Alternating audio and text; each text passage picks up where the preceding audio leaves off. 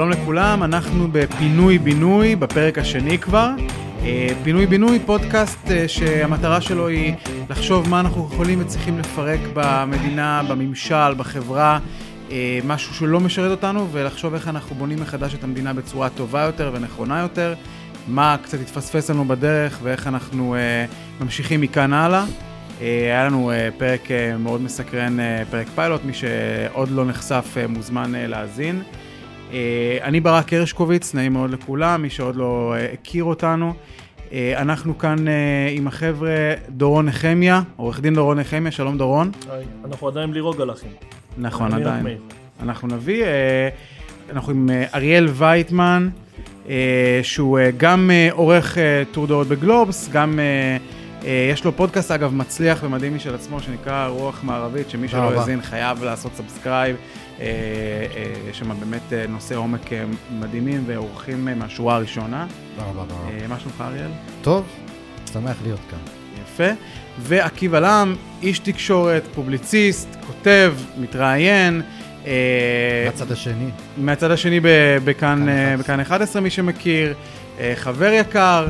אה, מה שלומך, עקיבא? טוב, טוב, מה נשמע? עקיבא האמת מצטרף אלינו היום, לא היה איתנו בפרק הקודם, אנחנו אה, אה, מקווים שיהיה, שיהיה כיף. אה, אז קודם כל, אה, ברוכים הבאים לכולם.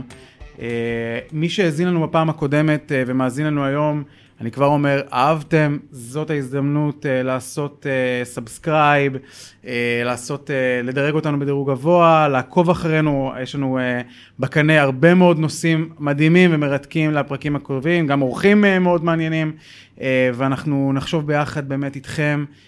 איך להפוך את המדינה שלנו לטובה. וצריך להגיד, דרך אגב, אני רק רוצה להוסיף על דבריך, שהרבה מהביקורות שקיבלנו, לדעתי אה, אנחנו מיישמים אותם לאט לאט פה גם, בתוכנית הזאת. חד משמעית, אז אם יש לכם ביקורת, כן. הצעה כן. או משהו שאתם חשבתם עליו תוך כדי האזנה, גם אה, מוזמנים אה, אה, לכתוב גם בטוויטר. אגב, לארבעתנו יש פה טוויטרים אה, די פעילים, אז אפשר גם אה, לכתוב לנו.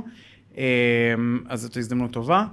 אה, אנחנו ביום די קשה, אנחנו גם קיבלנו, אה, כמו הרבה ימים לאחרונה, בשורות... אה, קשות מהחזית אה, ביום יומיים האחרונים, גם אובדן של חיילים ו- ו- ו- ו- ופצועים ו- ולא קל לנו. אה, אבל אנחנו ננצל את ההזדמנות שאנחנו כאן לדבר קצת אולי גם במבט טיפה אופטימי וחיובי ככל שאפשר. הפרק הזה אנחנו נדון, אנחנו כמעט 100 ימים למלחמה, כמעט סוגרים את המאה ימים ואנחנו נקדיש את הפרק הזה תובנות, היום, מאה ימים אחרי, אה, במבט לאחור, אילו תובנות אנחנו יכולים אה, כבר עכשיו להתחיל לעסוק בהן ולדון בהן. אה, אז כל אחד מאיתנו הגיע ככה עם כמה תובנות אה, עיקריות ואנחנו נפרק אותן. אה, אז אני רוצה דווקא להתחיל אה, איתך, אריאל. אה, מאה ימים למלחמה, תספר לנו מה התובנות העיקריות שלך. אז אני אגיד קודם כל, אני לא איזה איש צבא, הייתי ב... בשירות סדיר, קרבי, חצי קרבי, עזבתי באמצע, אין לי איזה תובנות מעניינות על, ה, על הפן הטקטי של המלחמה. מה שמפריע לי, ואני כותב את זה הרבה לאחרונה, וזה נראה לי כאילו אדום בוהק, זה חוסר האמון בין, ה, בין ההנהגה שלנו, גם המדינית, הפוליטית וגם הצבאית, שפשוט כנראה לא מרגישה שיש מספיק אמון, שיש לה מספיק אמון בציבור הישראלי, שהיא ש...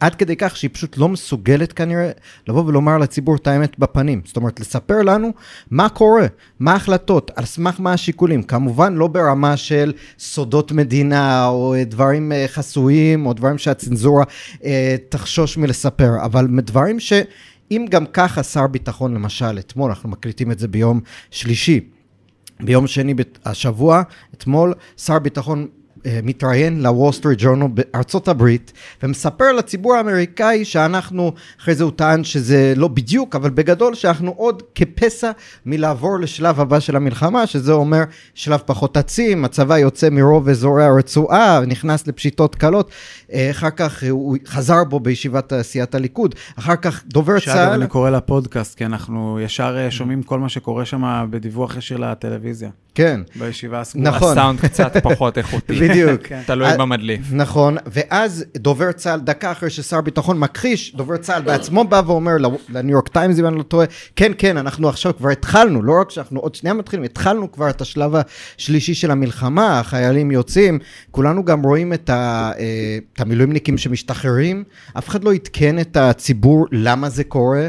דובר צה"ל פה ושם רומז לזה, אבל ההנהגה, הרמטכ"ל, ראש ממשלה, שהם עושים במוצאי שבת, אם אני לא טועה, ראש ממשלה עושה כמעט כל מוצאי שבת לאחרונה מסיבת עיתונאים. לא מעדכנים את הציבור, וואלה, אנחנו נלחמים עד הסוף. יכול להיות. תספר לנו, מה, מה קורה? יש, ב, ב, הנשיא ביידן אומר אתמול, אה, אני לוחץ על ישראל כדי שתצא מהרצועה ותהפוך, אה, הוא ממש אומר את זה בפה מלא, ות, את אה, עוצמת המלחמה. אולי זה השיקול שלנו. תעדכנו אותנו. כאילו, אני יודע, זה רגיש, צריך לעשות את זה בצורה עדינה אולי, לא לעצבן את בעלי הברית שלנו. אבל הציבור מגיע, יש לנו חיילים שנהרגים, ציינת את זה, אנחנו תשע, רק אתמול, תשעה חיילים שנהרגו. תעדכנו את ההורים של החיילים שנמצאים עכשיו בעזה, מה השיקולים? הבסיסיים, כן, שוב, לא לרמה הטקטית והרמה הסודית. אתה לא חושב שזה יותר מדי? זאת אומרת, אני מנסה להבין, אני- אני... למה הולכים אז לניו יורק אה, טיימס אני ג'ורנל לא- ומעדכנים? אני לא יודע מי- מי שאל מה ומי- ולמה ענו, אם שאלו שאלה מסוימת וענו על כך, בסדר, זה לא עדכנו, פשוט ענו לשאלה. אבל הנקודה, הנקודה היא ש... תראו, בשנים האחרונות אנחנו, המילה המנחה אצל כולם זה שקיפות. כן. שקיפות הפך להיות כותל המזרח של, של הכל. אה, כל פעם, זה נשמע כאילו שכאילו כל פעם שאין לך משהו מעניין להגיד אז תהיו שקופים, אז, אז למה אין שקיפות? עכשיו, תשמע, אני, אני, לא, אני לא בטוח שאנחנו סובלים מ... לא בטוח, יכול להיות שאנחנו קצת דורשים עודף שקיפות. אני, אני כן זוכר שאמרו שבשלב מסוים יעברו משלב עצים לשלב אה, אה, אה, שלב של פשיטות או שלב של, של אה, ש- טקטיקה שונה, זה, זה דובר, אוקיי? אני כן רואה שדי הרבה, זאת אומרת הדרגים הבכירים מדברים די הרבה, מוצאים הרבה, יש גם שיטות אחרות, כבר לא צריך מסיבת עיתונאים, יש טלגרם, יש, יש מסרים אחרים. עכשיו אני לא בטוח שכל פעם ש, שעושים איזה מהלך מסוים צריך להודיע, להודיע על זה ב, ב, לא, אני. סליחה, אני, אני, קודם כל אני רוצה להגיד שזה מגניב שאנחנו מנהלים את הדיון הזה בצורה מכבדת. זה כבר uh, משהו נחמד, כי אני בדרך כלל לא אנשים צוחקים עליי. אתמול נסעתי במונית והנהג מונית התחיל לצרוח עליי. אבל עליך. בנושאים האלה הוא היה מאוד, uh, כמו שהוא נתן את הדעה שלך, אבל כן. בצורה מאוד תקיפה. הוא אמר שאני רוצה לפגוע בביטחון המדינה. אבל בכל מקרה, אני רוצה להגיד שאני, אני- אם שר הביטחון הרי בחר להתראיין לוול סטריט ג'ורנל, למשל. אה, דובר צה"ל, זה לא ששאלו אותו, ביקשו ממנו תגובה. הוא, פנו אליו, הוא לא חייב לענות. פונים, ראש הממשלה מקבל שאלות במסיבות עיתונאים. דובר צה"ל כל יום מקבל שאלות, שואלים אותו, עברנו לשלב הבא? הוא אף פעם לא ענו, לא דובר צה"ל, לא שר ביטחון, לא ראש הממשלה, לא ענו, כן. תראה, האמת- האמת בתחילת המבצע, הרבה שיבחו את הקטע הזה שישראל לא בדיוק כן. אומרת נכנסנו, היה שבועיים כזה אחרי הטבח, שכולם חיכו לראות רגע מה קורה, מה קורה, ופתאום מפה לשם, אתה בתוך עזה, אתה מתמרן, אתה עושה כל מיני דברים. עכשיו, לעומת זאת, אני לא יודע אם זה, אם זה באמת נכון אה, לייצר את חוסר השקיפות הזאת, אני קצת מסכים עם אריאל. אני חושב גם שאריאל אה, מדבר פה לאו דווקא על שקיפות, אלא יותר על הבניית אמון אה, של נכון. הציבור בהנהגה. מה זה, מה זה אומר? בסוף אנחנו צריכים שהציבור ירגיש, אנחנו כולנו הולכים אחרי, אחרי, אחרי הממשלה פה אה, ומשלמים מחירים כבדים. מי שמשלם כמובן מחירים בלתי נסבלים אה, עם אובדן ו- ואנשים אה, שמעל 100 אלף מפונים שהם בעצם אה, פליטים במדינה. 200 אלף. 200 אלף, והרבה אנשים משלמים פה מחירים מאוד מאוד כבדים. אני חושב שלאריאל יש נקודה נכונה שצריך לעורר תחושה של אמון ושל אתם, לכו אחריי. וכשאנחנו שומעים קטעי אה, חדשות מחו"ל בכל מיני שפות, או, אה, או דברים שאנחנו שומעים אותם בטוויטר, ואז אנחנו שומעים במקביל את, ה, את השרים שלנו ואת ראש הממשלה, וגם דובר צה"ל, באים ומדברים, אנחנו נכתוש עד הסוף, אנחנו לא יוצאים, אנחנו לא נוותר, אבל אנחנו רואים שהמציאות היא קצת שונה, זה לא בדיוק עוזר לאמון הציבורי. ואני רוצה להוסיף עוד ומהלכים מאוד משהו. קשים אגב, יש פה מהלכים שאנחנו צריכים ל- להירתם. כן. אני חושב שזה משחק. לא- ואני, אני- דורון, אני רוצה לא להוסיף עוד משהו שאנחנו שומעים, ו- ושוב, על פי פרסומים זרים, כי אני מניח שאסור לדבר על זה בישראל מבחינת אולי צנזורה, אולי זה, אני לא יודע בדיוק מה, אבל אנחנו שומעים בניו יורק פוסט, וושינגטון פוסט כתבו על זה שהממשל האמריקאי מחזיק אותנו מאוד קצר מבחינת חימושים. מחזיק אותנו מאוד קצר מבחינת אה, כל מיני אה, מהלכים ש, שמאוד מקשים על קיום, קידום הלחימה בצורה שאולי חלק מאיתנו היינו רוצים. והציבור שנמצא, כמו שאמרת, שמשלם את המחירים העצומים, הורים לחיילים בעזה, זה פשוט לא הגון כלפיהם, לא לומר להם את האמת בפנים, אבל כן. מה אתה רוצה שיגידו? כן. שיפתחו בפניהם את המתח שיש עם חושב- הסברים בנוגע כן, לנושא של אני המתח? חושב שהציבור צריך לדעת, ואני אגיד לך יותר מזה, אחד הדברים, ש... ורק לחזק קצת את הדברים שברק אמר, מה קרה הרי בשביעי לאוקטובר? מעבר כמובן למה שקרה, ההשפעה המיידית של זה הייתה שכל הציבור, כמעט לא יוצא מן הכלל, הרגיש חוסר אמון מוחלט בינו לבין ההנהגה שלנו. התחושה שהמדינה לא מסוגלת להגן עלינו. אנשים יושבים תשע שעות בממ"ד כשמחבלים יורים עליהם בתוך החרך ירי של הממ"ד. אנשים ששורפים להם את הבית כשהם בתוכם. אה, אנשים שנחטפים מתוך הממ"ד שלהם. זה האובדן הכי עצום של אמון. ומה התגובה של הממשלה הישראלית, של הצבא, של מערכת הביטחון, ואנחנו רואים את זה עם הזמן. זה, זה פשוט כאילו שמים עליכם פס, לא מספרים לכם. אני חושב שאתה מגזים. זה התחושה שלי לא, לפחות. אני חושב- אז אז אני אגיד לך משהו לגבי תחושות. אני חושב שאנחנו במצב ש... למה אמרתי מקודם שזה משחק?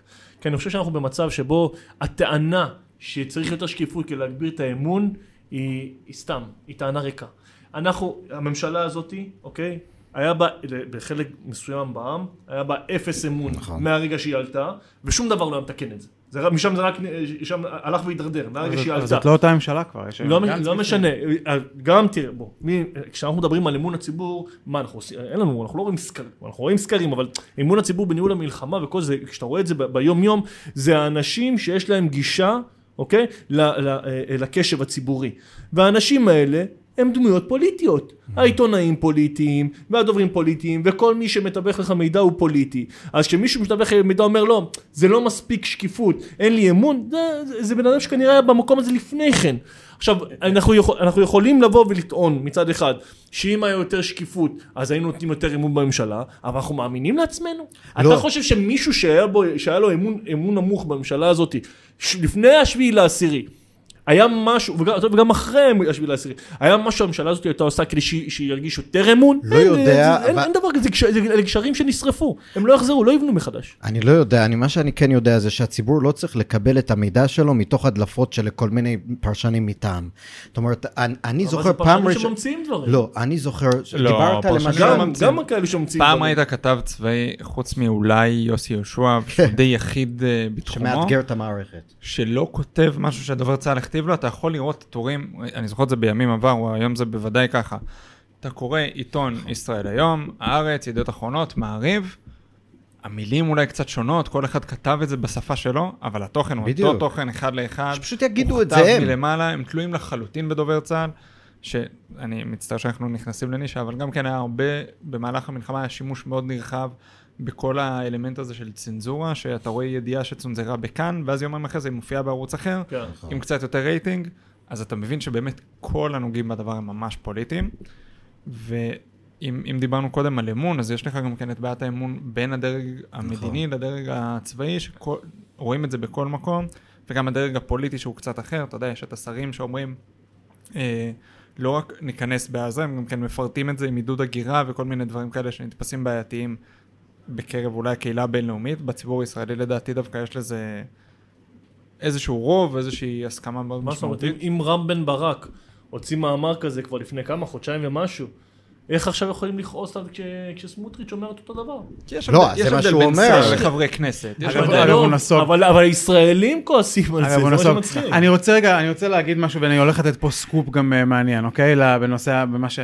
ב- ב- ב- בתובנה הזאת שאריאל הביא.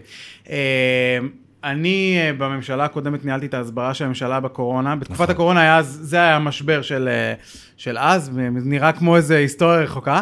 אה, ו, ועשינו איזשהו, בהתחלה, אני לא יודע אם אתם זוכרים, אבל ממשלת בנט התחילה בטון מאוד מאוד חריף נגד הציבור של הלא מתחסנים, והיה שם, אה, בנט בעצמו אמר אה, כל מיני אמירות שהם נכון, מפיצים שאנשים מחלות, מרגישים אבל- לא לא נעים וזה. לא זוכר מה בדיוק היה שם וזה, אבל. עשינו איזשהו מחקר דעת קהל, גם על אמון וכולי, ומה אנשים חושבים ואיך מרגישים, והצגתי את המחקר הזה בפני ממשלה, ואמרתי להם, תקשיבו, אנחנו צריכים לשנות את השפה שלנו ב-180 מעלות, כי הממשלה הזאת לא זוכה לאמון מאוד רחב בציבור, כולם יודעים את זה, שזה זכה לחצי מהציבור אה, אולי לאמון, וחצי מאוד מאוד לא.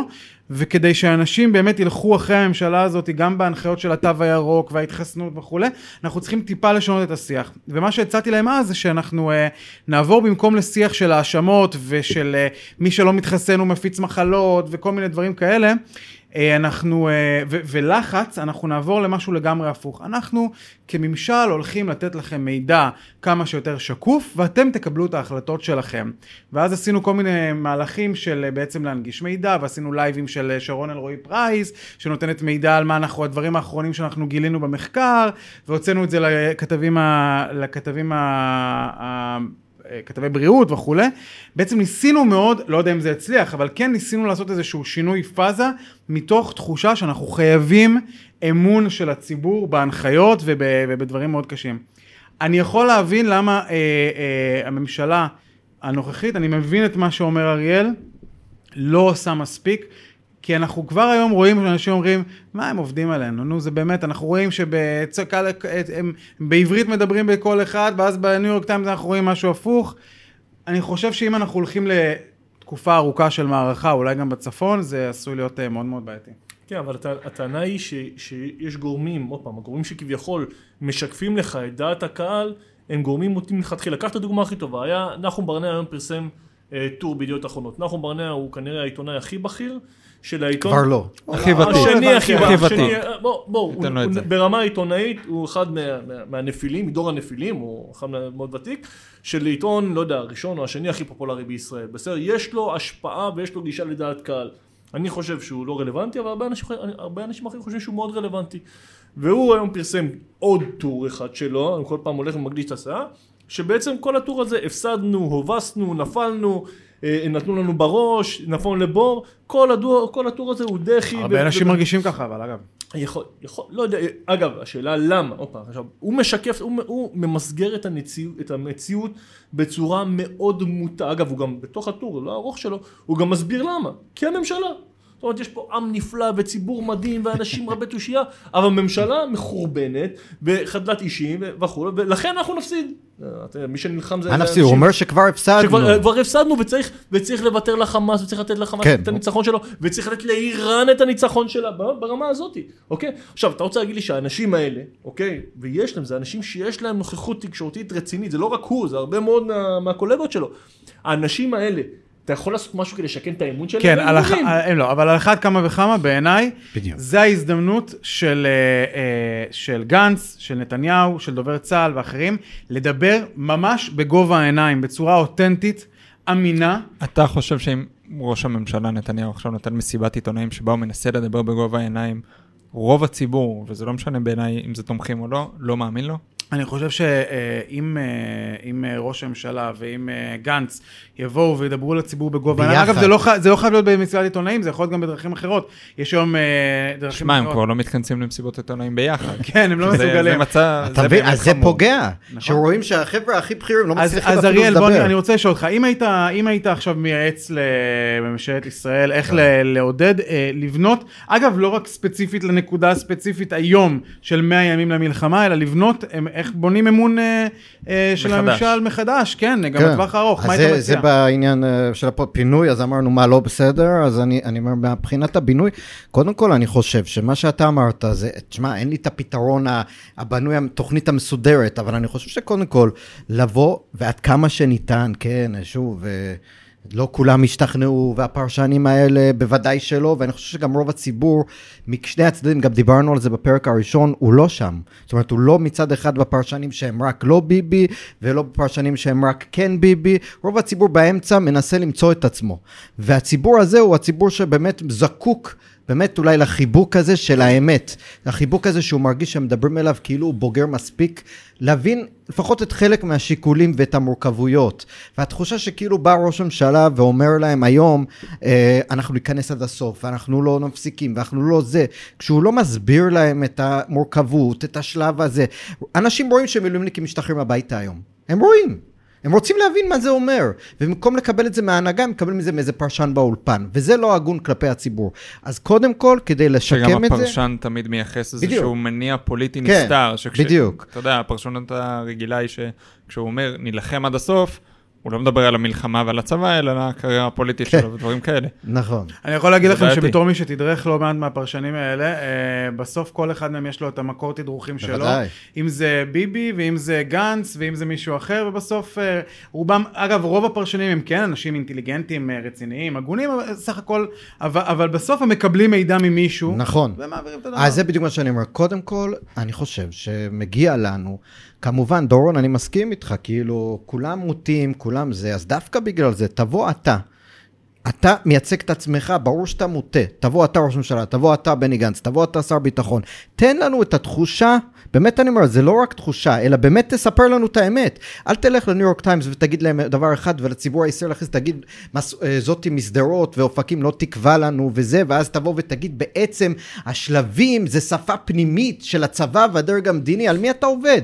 תגיד לנו מה זה אומר, תגיד לציבור, תספר לו בעברית, לא באנגלית, סליחה, כמו שנתניהו נוהג לעשות בשנים האחרונות. תספר לנו את מה שקורה. אני, אני אומר כאילו, הרבה ביקרו את נתניהו בשנים האחרונות שהוא מתראיין רק לתקשורת הזרה ולא לתקשורת הישראלית. אני יכול להבין אותו. כמו שאמרת, הם שונאים אותו, רוב התקשורת כאן וזה. בסדר, אנחנו במלחמה עכשיו. תבוא, תדבר. אגב, היום אתה כך- יכול לפתוח את הטלפון ולעשות לייב, אה, אה, ראשי מדינות עשו את זה לא מעט. כן. הוא- נתניהו עושה את זה הוא גם בבחירות. עשה את זה כשהוא רוצה בבחירות, להיבחר. כשהוא רוצה אז להשמיע אני את המסר חושב שלו, הוא עושה את שזה, זה. אתה רוצה פתרון, זה לא פתרון מושלם, זה לא זה, אבל תנסה לפחות. אני מרגיש שאין אפילו את הניסיון הזה. אולי דובר צה"ל, כן, כי באמת כל יום בא, מדבר, אפשר לדון על המסרים, האם הם מספיק טובים, וזה ארץ נהדרת צוחקת עליו הרבה, אבל אני חושב שלפחות יש איזה ניסיון מתוך הצבא, הם מבינים שצריכים לדבר על הציבור. אני חושב שההנהגה הפוליטית לא באמת אפילו מנסה. זה הכל באמת, הם באים למסיבת עיתונאים, והתחושה, דרך אגב, יש אשמה מאוד גדולה גם בתקשורת. השאלות הן, אתה מקבל על עצמך אחריות, אתה מקבל אחריות, אתה לא מקבל אחריות, כן. אתה כן מקבל אחריות, יאללה, הבנו, הוא לא מקבל אחריות, בוא נתקדם. כאילו, נראה לי זהו. אז גם מצד התקשורת וגם מצד ההנהגה, דברו אלינו, תנסו קצת יותר אולי. האמת, בעיניי לקח מאוד מאוד מעניין, ושווה ממש ללמוד ממנו אה, במובן של אה, אה, אמון בין כן. המדינה לבין האזרח. עקיבא, כן. אנחנו 100 ימים אה, כמעט למלחמה, איזה לקח מעניין יש לך שכבר בוער בך וחשבת שיש... זהו, אז האמת שזה לא... אני אבנה את זה, מקווה שנגיע לאיזשהו לקח. אה, אני חושב שבשביעי באוקטובר, כמו שאריאל תיאר קודם, הרבה מהעם זז כביכול ימינה, נהיה יותר ניצי. אה, ואתה יודע, בתור ימנים, אתה מסתכל על אנשי שמאל, אתה יודע, גם בעוטף, שחטפו את זה ממש. אה, יש שם פעילי שלום וכל מיני דברים כאלה. אתה אומר, רגע, איך אתם עדיין מאמינים באתוס שאתם מאמינים בו? כש, כשזה מה שקרה לכם. רותי מונדר, אה, חטופה ששוחררה, כתבה בניו יורק טיימס מאמר ממש, אה, ממש מפעים על החוויות שלה מעזה. היא תיארה איך ב-1967, אחרי הניצחון הגדול, היא הגיעה בפעם הראשונה לח'אן יונס, הייתה שם בחופים, הכירה אנשים, הכירה סוחרים, היה לה ממש דו-קיום עם תושבי עזה. ואז בשביעי באוקטובר הכל התנפץ לה בפנים, והיא לא מאמינה יותר בדו-קיום, והיא לא רוצה לחזור לעזה, ואני תוהה, רגע, אז מה בעצם הלקח שלנו בתור ימנים מהיום הנורא הזה? ואני מסתכל גם על כל מה שאריאל אמר קודם, על חוסר האמון ועל השיקולים הכלליים שיש סביב המלחמה הזאת. אה, אתה יודע, בעשור הקודם, עם כל מבצעי צוק איתן, עופרת יצוקה, אה, עמוד ענן, כל הזמן ישראל אמרה, יש לישראל את הזכות להגן על עצמה. ועכשיו אתה מסתכל על הלחצים האמריקאים, שקצת מערערים את הזכות הזאת בעיניי, ואני תוהה, האם לישראל באמת, האם ישראל באמת משמרת את הזכות להגן על עצמה? כי אם אתה, אם אתה הופך את המלחמה הזאת ממלחמה בעצימות גבוהה לעצימות נמוכה, שזה חלק מטרמינולוגיה לא ברורה שלא מסבירה שום דבר, והצבת יעדים מאוד ברורים בתחילת המלחמה, מיטוט החמאס, השבת החטופים, כרגע נראה שלא זה ולא זה קורים, אלא משלימים עם זה שהם יישארו שם, ואומרים, גם כשהתושבים יחזרו, עדיין יראו עליהם, וזה בס... ולהתמודד עם זה, ואי אפשר למגר את הטרור, שזה כל מיני דברים ששמענו בעבר. אז יש לי שאלה, בעצם, אה, אה, אתה אומר פה משהו סופר מעניין, אתה אומר, השמאל, בלית ברירה, הרבה שמאלנים עשו אה, חשבון נפש, התעוררו מכל מיני אה, אה, אה, פנטזיות שהיו להם. אולי גם הימין צריך להתעורר מכל מיני פנטזיות שלו, או שאתה אומר, אה, כן, או שאתה אומר לא. זה בדיוק. ואחת הפנטזיות היא שאנחנו לא יכולים הכל כמו שאנחנו, אה, כמו, הדיבורי רעב שלנו, אה, יש להם גם גבול, לא יודע. אז יכול להיות שזה כן. חלק ממה שאתה בעצם אומר?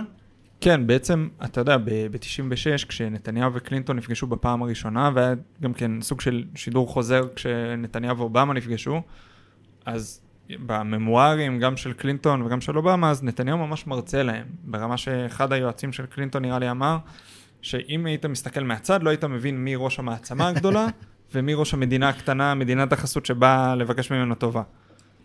ועכשיו אני מרגיש שכאילו, אוקיי, המסך ירד, אנחנו, במקרה הטוב, מדינת חסות, שאם אנחנו רוצים להגן על עצמנו, אנחנו צריכים לוודא שהחימוש מספיק מגיע. אולי לפי פרסומים זרים, אני יודע את זה גם כן ממקור ראשון, שאתה חייב לוודא שאם האנשים... גם היה את זה אגב במבצע בעופרת יצוקה לדעתי. נכון. ברגע שאובמה נבחר, נגמר המבצע. באותו השנייה. כן. וזה משהו שאני אני חושב, אגב, בהמשך למה שאמרת קודם, אם מנהיג ישראלי יבוא לשקף את זה לציבור, אני לא חושב שזה מסר שהציבור יכול להתמודד איתו, של תקשיב, אני חייב את האישור שלהם כדי להמשיך להילחם, כי זה, זה פשוט מוציא אותך נראה שכולם נורא. קצת מבינים שזה ככה. בעת- אה, יש איזה דיבור עכשיו, אני לא יודע אם אתם שמתם לב על אה, מסקת מאה חדשה כזאת של האמריקאים שרוצים כן. להגיד, אה, תתקדמו בנתיב של. של ערב הסעודית, נביא את את הרשות הפלסטינית המוחלשת, החדשה, המשודרגת, אני לא יודע איך הם קראו לזה, גם כן, זה כמו, זה. כמו תאגיד השידור. נתניהו כמו מוטט את תאגיד- רשות השידור, ועכשיו מקים את כן? תאגיד השלטון הפלסטיני החדש. כן, אז יש כזה. אני רוצה להגיד גם משהו לגבי, אתה בעצם מדבר כאילו, מה שברק שאל על ההתפכחות של הימין, בסדר? נכון. עכשיו יש פה התפכחות, התפכחות בשני שני צירים שונים, אוקיי? יש לפי דעתי את ההתפכחות הפנימית, זאת אומרת שזה בלי שום קשר לשביעי לעשירי, בסדר? ההתפכחות שנראה לי שהימין או חלק מסוים ממנו, לא כולם, חלק הבין ש- אה, אה, שהניצחון האלקטורלי הוא לא חזות הכל. זאת אומרת, כן הבנו, וזה מאוד חשוב, אבל זה גם לקח בעיניי מהרפורמה. זה הרפ... כן, כן, לפני השביעי לעשירי אני מדבר. זאת אומרת שהבנו שאתה לא יכול, שאתה אתה לא יכול, הפוליטיקה של הגושים, שאם הגוש שלי מספיק חזק אני אעביר מה שאני רוצה, זה לא עובד לשני הכיוונים. יכול להיות שזה עובד לכיוון שלהם. זה לא עובד לכיוון הימני, והימנים בכל זאת צריכים לה, להגיע להסכמות כלשהו עם הצד השני. זה לוי, זה החיים. מתסכל נכון. זה מצב, זה, זה הציר הפנימי. ויש את הציר החיצוני, שאמרנו לעצמנו שאנחנו מספיק חזקים, אנחנו מדהימים, ואנחנו הצבא החזק, חזק ב- במזרח התיכון, וזה נכון, אנחנו באמת יכולים, אנחנו רוצים, אה, אה, אה, איך אמר פעם מישהו, אתה יכול חמישה מטוסי F-16, ואתה מעלים את ח'אן יונס, אני חושב שיאיר לפיד אפילו כתב את זה פעם באיזה טור בידיעות אחרונות, אוקיי, שאתה יכול לנסוע, אבל- אתה לא יכול, זאת אומרת, הימין הישראלי אולי, אנחנו עכשיו לומדים פה את מגבלות הכוח, וזה שיעור כואב בצורה קשה, זאת אומרת, כי אתה יודע שאתה יכול, תראה, מה, מה, מה ההגנה שיש לחמאס היום? מה ההגנה? יש להם את החטופים, שעדיין אנחנו, אנחנו עדיין הפצצנו אותם, למרות שהם שמה. ואת העולם. ההגנה היחידה שיש להם זה דעת הקהל העולמית. לא העולם, דעת קהל עולמית. זאת אומרת, זה אותם כבלים שמוטלים גם על הממשלות. זאת אומרת, יכול להיות שהממשלות, כל הממשלות המערב- המערביות רוצות לקרוע את החמאס, אין לי ספק, ורוצות לקרוע את האיראן, הם רוצים, אבל גם הם כפופות לדעת הקהל של, ה, של הציבורים שלהם. ודעת הקהל הזה, שזה מורכב מאליטות ומאנשים בטוויטר ועם כל מיני גורמים מאוד פלואידיים, לא, לא, לא רשמיים, לא רשמיים, דעת הקהל זה ההגנה היחידה שיש לחמאס. וזה תסכול מטורף, זאת אומרת, לנו יש טנקים, מטוסים, פצצות, אין להם כלום, יש להם צינורות שעפים באוויר, ואתה לא יכול להם. אתה חייב לרקוד ריקוד מאוד מאוד זהיר ומאוד מדויק, שבמסגרתו אתה נותן להם נשק נגד, אנחנו נותנים להם דלק, נותנים להם מים, נותנים להם אמצעים הומניטריים, גם, גם לא הומניטריים, ואנחנו משלמים, בואו, אנחנו, אנחנו משלמים בחיי החיילים שלנו. וזה דרך אגב, סליחה, זה מתקשר קצת עם הנושא שלי בנושא הזה. הרי כשהתחילה המלחמה, אמרו, אני זוכר את זה. ראש ממשלה, לא שר ביטחון, מנכ"לים. לא יהיה דלק, אה, לא יהיה גרם דלק לרצועה. אבל סליחה, ידעתם שהעולם ילחץ עלינו. ידעתם כבר מהרגע הראשון הוא, לא שממשלת... הוא לא יודע כמה, וגם, וגם יש משמעות בזה שאתה כאילו עושה לעצמך קווים אדומים. אז תעדכן את הציבור, אני זוכר שאמרו, נכנס דלק. ואף אחד לא עדכן את הציבור, ואז שאלו את נתניהו, נכנס דלק? אה, כן, זה- בעצם. זה אבל בהחלט חלק אבל- מהשבר של דעת הקהל בעיניי. מאוד, נכון? מאוד. כן, אבל, הנקודה, היא ש, שאנחנו בימין, אוקיי, זה שיעור מאוד קשה. אגב, זה, זה שיעור, אני לא יודע אם עדיין הפנמנו את זה, אנחנו לאט נכון. לאט כאילו, זה גורם להרבה מאוד כעס, אתה רואה, כל, ה, כל התקשורת וכל הרשתות בצד ימין למשל, או לפחות, הם מאוד מאוד מתוסכלים. אנשים כועסים, הם כועסים על כל דבר, הם כועסים עכשיו, שלחו את אהרון ברק להאג. הם כועסים, אנחנו, למה הם כועסים? הימין, זה לא הבנתי. נשלח את אהרון, כי אהרון לא, ברק קידם בוא, אותו. הייתה שנה שלמה שבה כן, ניסית למוטט את מורשת בוא ניתן, אני אהרן רוצה ברק רגע והגעת לשם. לעקיבא דווקא להגיד על זה משהו, כי אני חושב שעקיבא... אבל אני יכול גם להגיד משהו רגע, לפני שנייה, עקיבא, עקיבא, אה, דווקא אנחנו קצת דיברנו אתמול או שלשום, לא זוכר טלפונית, כן. ו- וגם היה לך ביקורת על הנושא הזה של אה, של אהרון ברק, ואני חושב שזה, יש פה איזשהו, יש פה איזו דילמה אמיתית, כאילו, מצד אחד אה, אה, אה, הימין... אה, ברמה הסימבולית, תחשוב, הימין ממנה את אהרון ברק שהוא אבי המורשת האקטיביסטית שכל, ש- שכל השנה האחרונה הייתה רק נגד האקטיביזם של ברק ואז הוא ממנה אותו כאילו יכול למישהו שיושיע את ישראל בחו"ל. זה נשמע, שיש בזה זה גם נשמע משהו, לא נכון, למרות שאני יש בזה מבין גם- את המהלך. יש לא, בזה גם יש משהו בזה יפה. מסר מאחד וטוב וזה, אבל אחרי השנה האחרונה זה באמת נראה קצת באופסייד. למרות ש... שוב, אני, אני מודה, אני לא מומחה למשפט בינלאומי, אז אני לא יודע להגיד לך האם זה טוב, האם זה רע, האם ישראל אולי בכלל צריכה זה, להחרים זה, את אני הדיון. חייב להגיד, זה לא, זה לא משפט בינלאומי. אין פה שום דבר משפטי.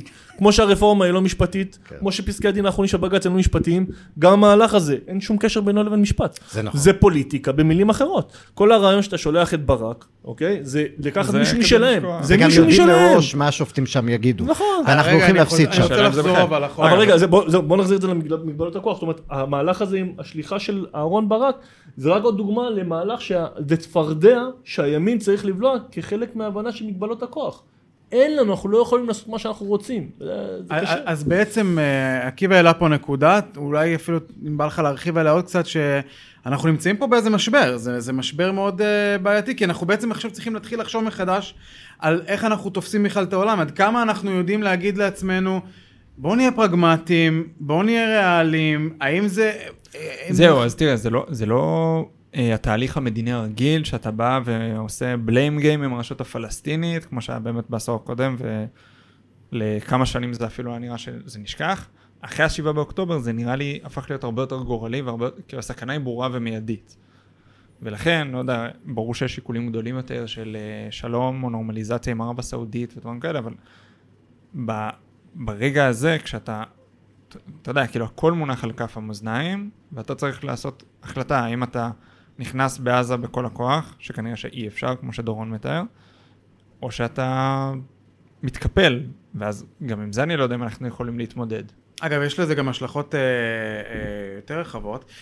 פתאום יש שאלות, הרי כל הזמן השמאל הלאומי הציוני אומר, אנחנו צריכים לסגת מהשטחים לא בשבילם, קודם כל בשבילנו, בשביל לשמור על רוב יהודי.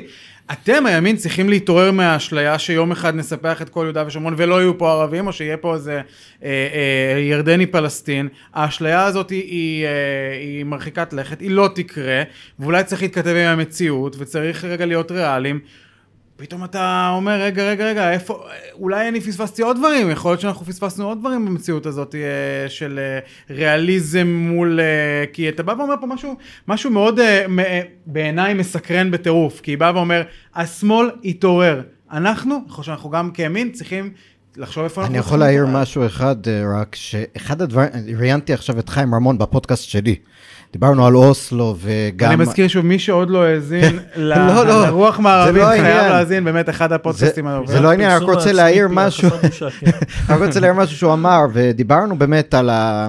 הטענה שלו בעצם, מעבר לזה שהוא, כל העניין של מדינה פלסטינית, הסכם אוסלו וזה, הטענה שלו על העשור האחרון של נתניהו, נניח עד השביעי לאוקטובר, היא בעצם מאוד ברורה שאנחנו, בגלל המדיניות הזאת של הרצון, עכשיו אני לא יודע עד כמה זה מדיניות שתוכננה מראש, או שהיא פשוט הייתה נוחה, אה, או, אם זה נכון בכלל, אבל הטענה היא שבעצם בגלל הרצון להתנגד כל הזמן למדינה פלסטינית או לתת לרשות איזשהו הישג, בעצם חיזקנו את החמאס. בעצם אפשרנו לו להתעצם, בעצם היה נוח לנו לאפשר לו להתעצם. זאת הטענה של חיים רמון. עכשיו אני חושב שכל פעם שזה מעלים את זה בפני דוברים נקרא לזה, של הימין התומך בנתניהו, מהדמ... אפילו סמוטריץ', יש איזה קטע שלו בערוץ הכנסת, שהוא אמר את זה כחבר כנסת.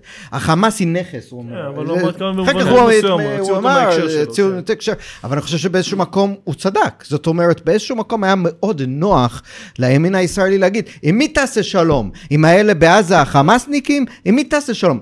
האמת היא שזה היה מאוד נוח, וכש... ויכול מאוד להיות שבאיזשהו מקום, כמו שאתה אומר, על כל מיני התפכחויות של גם הצד שלנו צריך לעשות, שיש כאן איזה משהו שצריך ללמוד ממנו. לא תמיד הנוח האידיאולוגי המיידי הוא מה שבאמת לטובת החברה והמדינה בטווח הארוך. אבל רגע, מה- מה- כן. מה- מה- מה התרגום של המשפט הזה? ש- התרגום הוא שלמרות צריכים- שזה אולי לא נוח אה, שיהיה רשות פלסטינית גם על עזה, יכול מאוד, לי- וזה באמת לא נוח מבחינה מדינית או מבחינת ההצדקה הפנימית שלנו או כלפי העולם לעמדה שלנו נגד מדינה פלסטינית ונגד ויתורים לרשות, יכול מאוד להיות שאנחנו צריכים להתמודד עם זה שיהיה לא נוח ברטוריקה מול העולם ו- ושלא יהיה חמאס בעזה למרות אי הנוחות. זאת אומרת באיזשהו מקום התמכרנו כן, אבל- אולי למקום הזה. אני מצטער לחזור על הקונספציה, אבל הטענה הימנית היא כן. שאם אתה מאחד בין השתיים, אז זה לא שני המקומות זה רשות פלסטינית, זה שני המקומות זה חמאס. נכון, רגע, אבל עקיבא, לא, בוא, בוא. רגע, תסביר לי שנייה, בוא, אני רוצה רגע לרדת עוד כן. יותר עמוק לטענה שלך.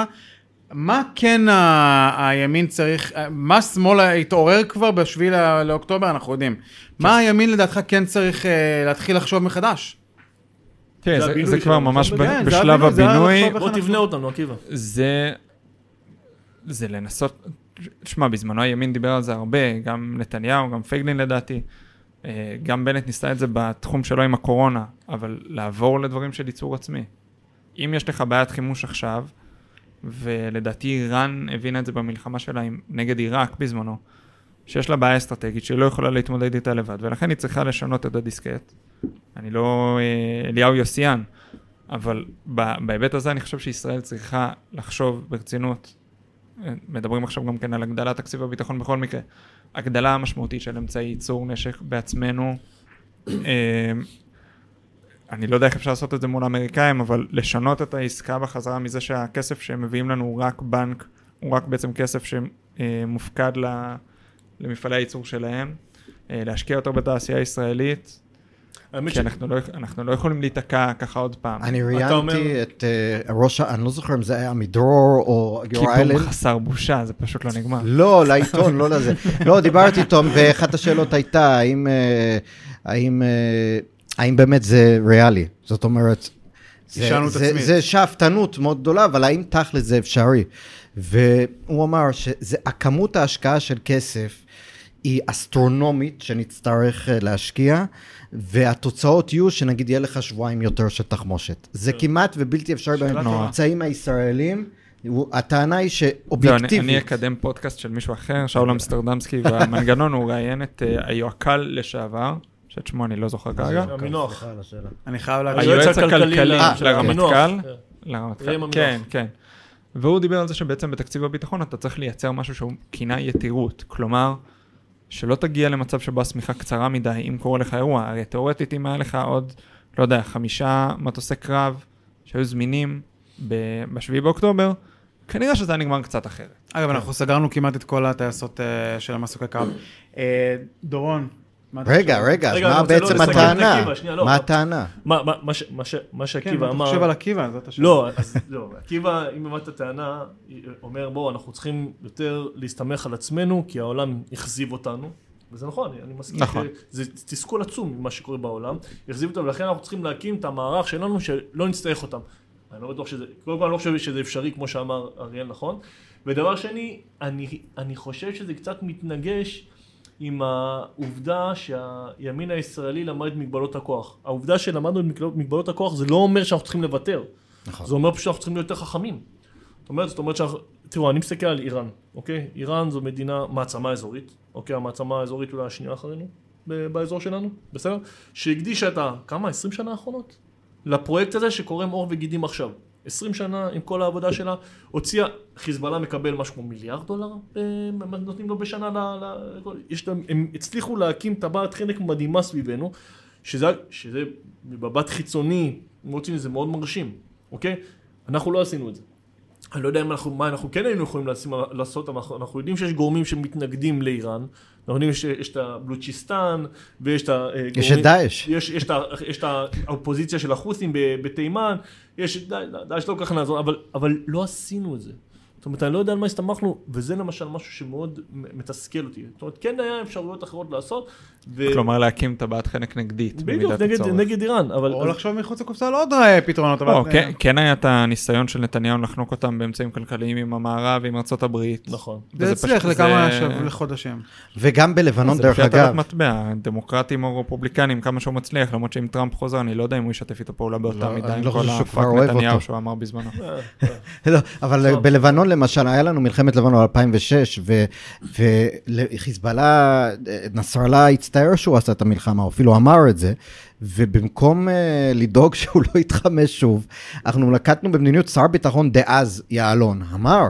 אנחנו יודעים שהם מקבלים מלא טילים, אנחנו יודעים. שהם מתעצבים, הטילים יחלידו, אז מסתבר שהם לא כל כך יחלידו. אז אוקיי, בעיה. אני חושב שהלקח אה, של עקיבא הוא מאוד, אה, זה משהו שאנחנו עוד נדון בו המון כן. כמדינה וחברה, על מידת העצמאות שלנו בכלל בעולם, ואיך אנחנו יכולים לחשוב מחדש על מה אנחנו עושים.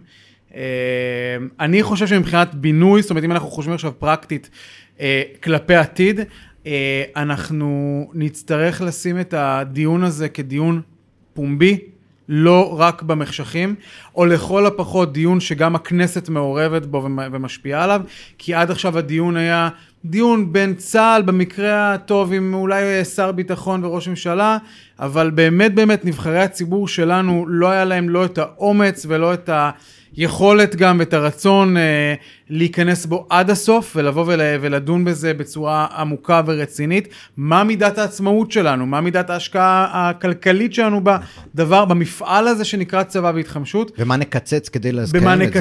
נקצץ, במה אנחנו עושים, ואני חושב שהדיון הזה יהיה חייב לעלות על הרדאר. אה, אגב, הד- הציבורי. בדיוק, הדיון הזה אומר שאנחנו צריכים להפעיל הרבה יותר, לחזק את השרירים הטובים שלנו. זאת אומרת, אנחנו, אין לנו אה, פריבילגיה ללכת לישון, אין לנו פריבילגיה להשמין. אותם, הנה, למשל, מה שקורה היום, קראתי למשל שהנושא של הביצים. חלק גדול מהייצור ביצים בארץ זה חמישה קילומטר מגבול הצפון. זה בכוונה ככה, כדי לחזק את הגבולות, מסתבר שהם לא מחזקים את הגבולות. זה סיפור מאוד מעניין. כן. לא, אבל, אבל עכשיו, אז אה, לא, מצד אחד המדינה צריכה ביצים מן הסתם, כן, בכמה מובנים. כן. ו, ו, אבל, אבל, אז, אבל, אז, אז המ- ה- ה- הצעד המיידי שצריך לנקוט זה להתחיל לייבא ביצים, כי יש לך בעיה, אבל הם לא יעשו את זה כי הם יפגעו בקיבוצניקים שגם ככה סופגים מכות. זאת אומרת, אנחנו, אנחנו חייבים לצאת מהמעגל שוטים הזה, אוקיי? והמדינה צריכה לקבל החלטות שוטות, אה, אה, אה, החלטות קשות. מבחינתי, קחו כל מגדל ביצים, תנו לו חצי מיליון שקל, שיעזוב אותנו בשקט, שימצא משהו אחר לעשות. ניסו באמת. את זה, הם לא רוצים. אז יכריחו אותם, אני- ידחפו להם מיליון שקל לכיס, אין מה לעשות, מאוד אגב, אני, אני. אספר לך שבממשלה אני לא הקודמת יודע. היה רפורמה בת- בתחום הלולנות, בדיוק. שבסוף, אני לא יודע אם אתם זוכרים את המראות של זה לול- ש"ס, לא? של לולנים שבאים וזורקים את הביצים על הכבישים וכאלה, וזה אה, אה, בעצם בסוף הפשרה הייתה שהם, אה, שמקפיאים את זה לעוד כמה חודשים. התחלפה הממשלה ובסוף זה לא קרה, אבל בעצם אז זה הם כל יזרקו הזמן ביצים, אנחנו נזרוק עליהם דולרים, העיקר שנוכל סוף סוף לפתוח את השוק הזה. אני רוצה טיפה להתקדם. אה, אה, דורון, תספר לנו רגע מה, מה בפרספקטיבה של 100 ימים למלחמה, על מה אתה חושב? יש שתי תחושות שמובילות אותי מאז, מאז המלחמה. אתה יודע, ניסיתי לחשוב כאילו מה, מה, אני מרגיש וזה, ויש ש, ש, שתי תחושות. התחושה הראשונה היא תחושה של תסכול, שזה מתחבר קצת למה שאמר עקיבא. זאת אומרת, אנחנו היום נמצאים במצב, אוקיי, שאנחנו יודעים, יש לנו עדיין, יש לנו עדיין את החזית הצפונית, אנחנו יודעים שאנחנו לא יכולים, גם אחרי השביעי לאוקטובר וגם אחרי מה שעשו לנו, אנחנו יודעים שאנחנו עדיין לא יכולים לתקוף לפני שאנחנו סופגים. זה, זה מצב, זה מצב הזיה, אוקיי? עברנו, עברנו באבי יאר, עברנו טבח כמו באבי יאר, בסדר? אנחנו סופגים אבדות. פינינו כמה עשרות אלפי אנשים מהגבולות שלנו, זה לא נתפס. יש יישובים שלמים, ישראלים, אוקיי? בשטח הריבוני שלנו, שאף אחד לא נמצא שם. זה... ה- ה- ה- הרות- חוץ מהלולנים. סליחה? חוץ מהלולנים. חוץ ואני אומר את זה דווקא לזכותם. הרי כן. הרי רפאים שפינינו אותם. זה, זה, עשינו לעצמנו טרנספר, ועדיין אנחנו לא יכולים לתקוף, אוקיי? לפני שאנחנו נספוג פגיעה. זה, זה מטור... למה? עוד פעם, בגלל דעת הקהל העולמית. בגלל שכל העולם, וזו נקודה מתסכלת בטירוף, כל העולם, האינטרס של כל העולם הוא הפוך מהאינטרס שלנו. אין לך כמעט אף מדינה בעולם המערבי, אולי אצל הערביות יש, אצל הסוניות, אין לך כמעט אף מדינה בעולם המערבי, אוקיי? שיכולה לתמוך ביציאה שלך למלחמה, לא, כולם רוצים שקט. וכולם רוצים שהשקט הזה יהיה על חשבוננו. הרי היום ראינו, בלינקן אומר, אנחנו רוצים להפעיל, להרגיע את הרוחות בצפון. לא, אנחנו לא רוצים, לא, לא, לא. אם אנחנו לא נעשה כלום, אם אנחנו לא נפתר את הסכסוך הזה עם החיזבאללה, לא, לא ניתן להם בראש, אנחנו פשוט מעצימים את הבעיה ומעבירים אותה לדורות הבאים, מעבירים אותה לעוד כמה, לעוד כמה חודשים. אנחנו לא רוצים לפ- את השקט הזה. שזה בדיוק מה שקורה עם החוסים. ממש. זה, זה, זה קורה בכל גזרה. אנחנו היום, האינטרס של מדינת ישראל הוא הפוך מהאינטרס של כל העולם. זה, זה מצב מטורף, זה מצב מתסכל מאוד. החברות שלנו, בסדר? ג'ו ביידן והדונט, אוקיי? אה, אה, הוא עובד, הקו שלו והמטרה שלו הוא הפוך מהמטרה שלנו. עכשיו, מה אנחנו עושים עם הדבר הזה? מה אנחנו עושים עם הנקודה שבה אנחנו לא יכולים לפעול, כמו שאמרת נכון, האם אנחנו יכולים להפעיל הגנה עצמית? אנחנו יכולים רק הגנה עצמית, אגב. אנחנו לא יכולים, הקם להורגך, השכם להורגו, לא, נמחק. העולם אוסר עלינו לעשות שימוש בחשיבה, חשיבת אה, פילוסופית מלחמה הבסיסית הזאת, אסור לנו. אגב, רק נכון. לנו אסור. רק ליהודים אסור. פרופסור מני מאוטנר אמר לי שמבחינת החוק הבינלאומי, בפודקאסט. שזה בעיניי, אני בגלל זה בכוונה לא הזכרתי. אה, זה 122 אזכור. רביעי. לא, אבל, אבל זה, בס- אמרתי לו. את זה אחר כך, אני חושב תוך כדי, שזה זה, זה ממש מרגיש לי כאילו שטויות, כי הטענה שלו הייתה שמבחינת החוק הבינלאומי, אסור לך לתקוף אם לא תקפו אותך. אמרתי לו, מה? כאילו כולם תוקפים אחד את השני בלי שתקפו אותם, כאילו זה חלק מהעניין. אז בגדול, לא, בקט... זה- זה היה בנספח היהודי של החוק הבינלאומי. כן, זה בדיוק. החלק שלך אז ליהודי. אני אומר, כאילו, בסוף, אתה צודק. וזה- עכשיו, זו- זו- סליחה ברק. כן, אז אוקיי, יש לנו פה בעיה שהיא ברורה לכולם, אוקיי? עכשיו השאלה, אם יש מה לעשות איתה.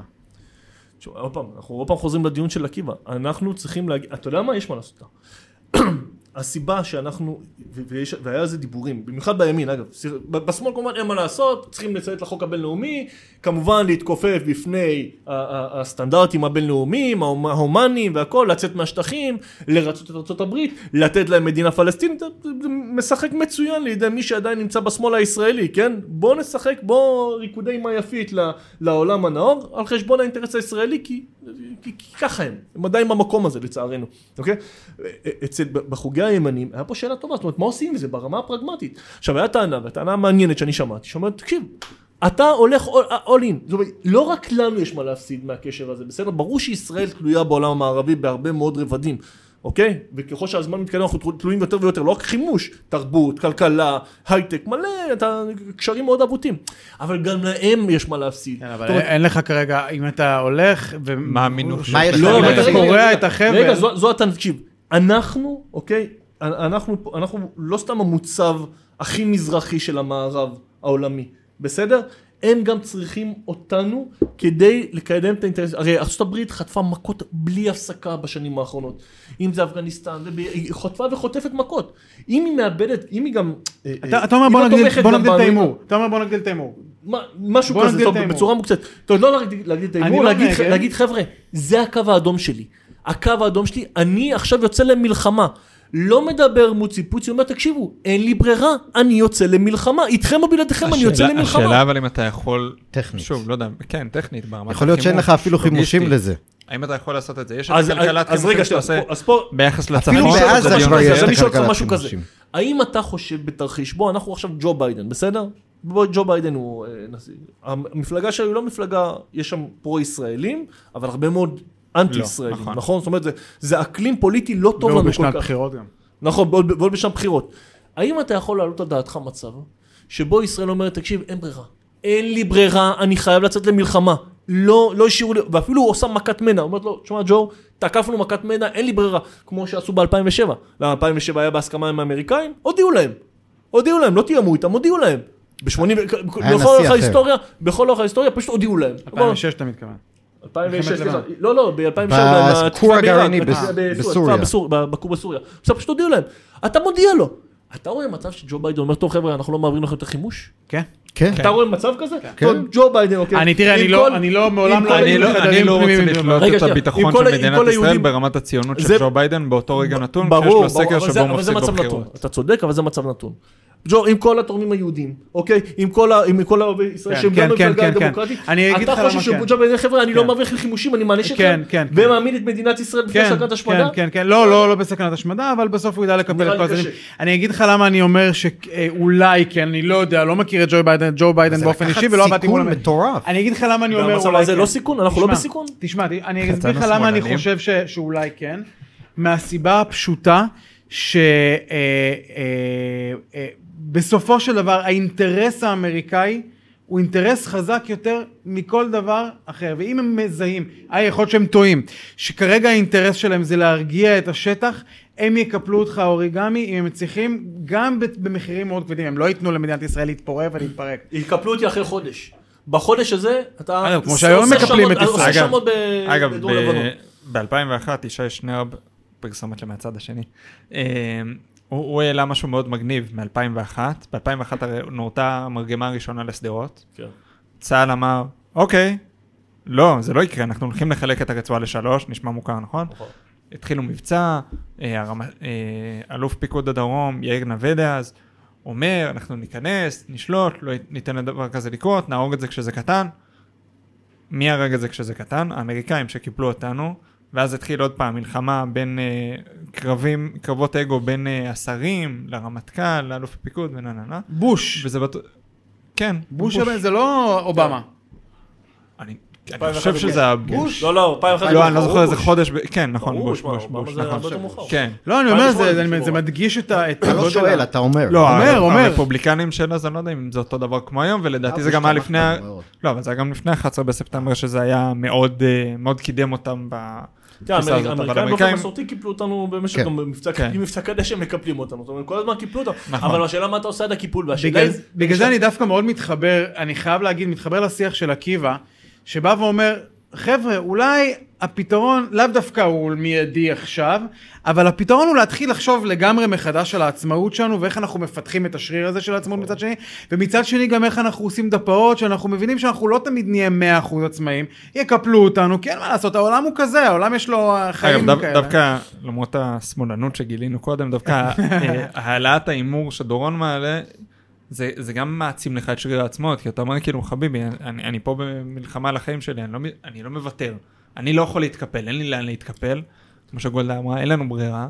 בסוף יודע- גולדה הייתה מה ראש הממשלה? הכי ימנית בהיסטוריה של ישראל לדעתי. ואתה יודע מה צריך בשביל, ה... בשביל האסטרטגיה הזאת? בשביל מנהיגות שתבוא ותגיד, אוקיי, אני הולך, נגיד, אמרנו... אל מה- תגידי בן. גביר. לא, לא. אבל. צריך הרבה מאוד אומץ.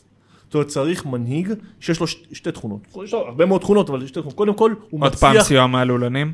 סליחה? סיוע מהלולנים. כן, בדיוק, הרבה ביצים. הוא צריך, קודם כל הוא צריך להיות עם לגיטימ- לגיטימציה ציבורית מספקת, שזה סופר חשוב, אוקיי? זאת אומרת, מה שאנחנו לא רואים בשנים האחרונות אצלנו. ודבר שני, אנחנו כבר שכחנו, וואי, אני, אני נשמע כמו קלישאה, זה מבא- אפילו מעצבן אותי להוציא את זה מהפה, שכחנו מה זה, מה זה מנהיגות אמיצה. בסדר, עכשיו, אני לא סובל את אהוד אולמרט. באמת שאני לא סובל את אהוד אולמרט. הוא, הוא, הוא מביך, בטח מה שהוא עושה בחודשים האחרונים, הוא מביך, הוא פוגע, הוא זוועה. כדמות פוליטית הוא אדם זוועה. אגב, ביזיון בעיניי שמזמינים אותו לאולפנים, בן אדם לא, שהורשע ו... עזוב, אני, האולפנים מבחינתי זה כמו, זה מושב לצים. אבל, אבל, ב-2007, הבן גילה אומץ. כן. גם- עשה- גם עשה- ב-2006, אגב. גם גם 2006. הפ- גם- כשנסראללה כמעט 20 שנה לא מוכן להתעסק עם ישראל, זה התחיל משם. אבל הוא, בא, אבל הוא בא וגילה אומץ, ומה שחסר לנו אצלנו זה פשוט מנהיגות אמיצה.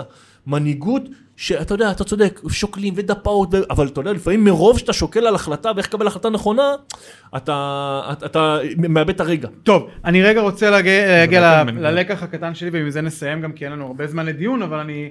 איזה- הוא קצת מחבר את כל מה שעלה פה, ואני חושב שהלקח שלי מהמאה הימים האלה, זה שקצת כמו חור בשן, קצת, אנחנו קצת לפעמים אנחנו אה, אה, אה, הדחקנו בעיות שידענו שהן הולכות לאיים עלינו. זה קצת כמו להיכנס למקלחת, להרגיש איזה גוש לא נעים איפשהו ולהגיד, זה בטח יעבור או יספק לנו בגוף. זה לא יספק בגוף, ובטח לא בפעם החמישית שמרגישים. צריך ללכת לבדיקה.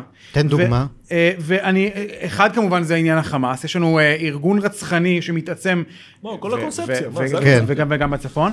ארגונים רצחניים שמתעצמים ואנחנו מספרים לעצמנו, אני בדיוק הבאתי פה איזשהו אה, ציוץ מדהים של אסף פוזיילוב מ... אה, אה, כאן 11. כן, משלושה ימים לפני המלחמה, שהוא בא וכותב ככה, ארגון הג'יהאד האיסלאמי פתח בתרגיל רוע... כמה ימים לפני המלחמה. ארגון הג'יהאד האיסלאמי פתח בתרגיל רועש וקרוב מאוד לגבול של שיגורי טילים, פריצה לישראל וחטיפת חיילים. ואז הוא מצטט אה, תושב של נתיב העשרה, זה היה משמעותית יותר קרוב מפעמים קודמות, הילדים מתעוררים בחופשת החג ושואלים מה קורה, יש פיצוצים, בומים, זה לא דומה לתרגילים קודמים. מה התגובה שלנו הייתה לדבר הזה? אני מניח, אם הוא שאל, הוא בטח ביקש תגובה מדובר צה"ל. זה תרגיל, זה בסדר. זה, ת- זה בסדר. שזה אגב מה. שקורה היום ביהודה ושומרון. זה קורה בכל מקום, עכשיו גם בצפון, גם ביהודה ושומרון וגם בחזיתות מזרחיות אחרות.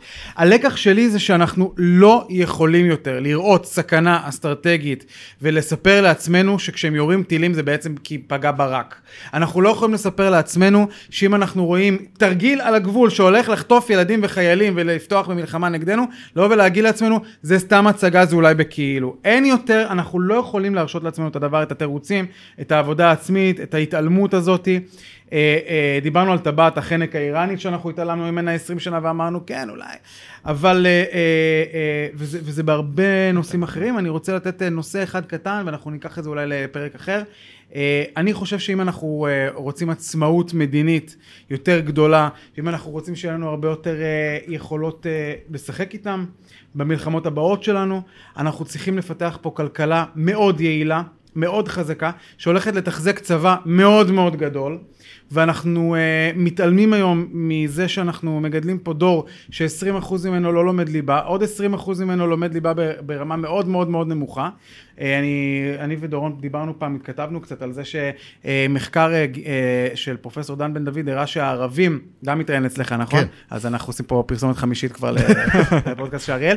אה, פרופסור דן בן דוד מספר שהערבים בישראל במבחני פיזה מראים ציונים נמוכים משמעותית מכל מדינות ערב, לא כן. מדבר מדינות מערביות, מכל מדינות ערב שסביבנו, ואנחנו מגדלים פה דור שלא יצליח לשאת על הכתפיים שלו כלכלה מודרנית, מדע, אה, אה, הכנסות ממיסים, ועל זה לבנות צבא חזק מאוד מאוד יקר, התעצמות, התחמשות.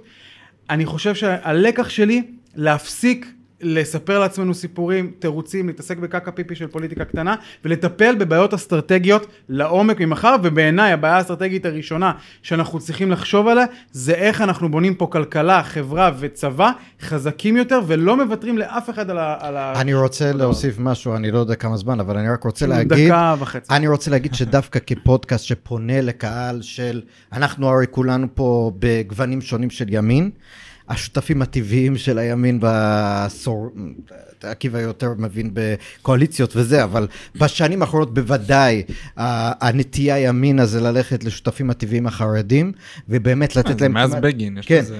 177, ללכת לשותפים הטבעיים, אה, בעיקר המפלגות החרדיות, זה פשוט בעוכרינו. אנחנו לא יכולים, דיבר על יהודה ושומרון, זה עולה כסף, זה עולה אשראי בינלאומי. אתה לא יכול לתחזק, כמו שאתה תיארת, מערכת חינוך של אוכלוסייה שגדלה בצורה מטורפת לעומת כל, אפילו מדינות עולם שלישי, כשהם לא אה, תורמים משתתפים לכלכלה. ו- אני, וזה אני מנחש ש- שאחרי המלחמה יהיה זעם מאוד גדול על שני בימין? גורמים, אחד בכללי, על הממשלה, אה, בין היתר בעקבות מה שאמרת קודם, ועל החרדים, שזה זה הולך להיות בקווים מאוד קיצוניים, כי הם פשוט לא באירוע של המלחמה. נכון. עקיבא, רק בגלל שלא היית בפרק הקודם, משפט אחד לסיום אם אתה רוצה להוסיף על כל מה שדיברנו היום? תשמע, מאוד נחמד, היה כיף, זה היה כיף. טוב בפורמט הזה. מילה אחרונה? ביצים. ביצים, ביצים, אנחנו צריכים פה הרבה. ביצים. אה, ורוגלח, אה, אז קודם כל תודה רבה לכל אולי- החברים. אולי זה יהיה הכותרת של הפרק, ביצים ורוגלח. אנחנו נעשה פה ערב ביצים ורוגלח למשתתפי הפרק. אה, אנחנו, אני מזכיר לכם שאם אה, אתם אה, מתעניינים בשיח הזה של פינוי, בינוי, איך בונים מחדש את המדינה בצורה טובה יותר, תעשו subscribe, תכתבו לנו בטוויטרים. תציעו אורחים. תציעו אורחים, תציעו רעיונות והצעות, אה, תנו גם אה, ציון אה, אה, גבוה. תציעו ארוחות. אה, ותודה רבה לכל המאזינים שלנו ולכל האורחים. אנחנו נמשיך אה, במשימה ובייעוד שלנו, ושיהיה לכולם שבוע עם בשורות טובות יותר ממה שאנחנו חווינו עד. עכשיו. תודה. תודה.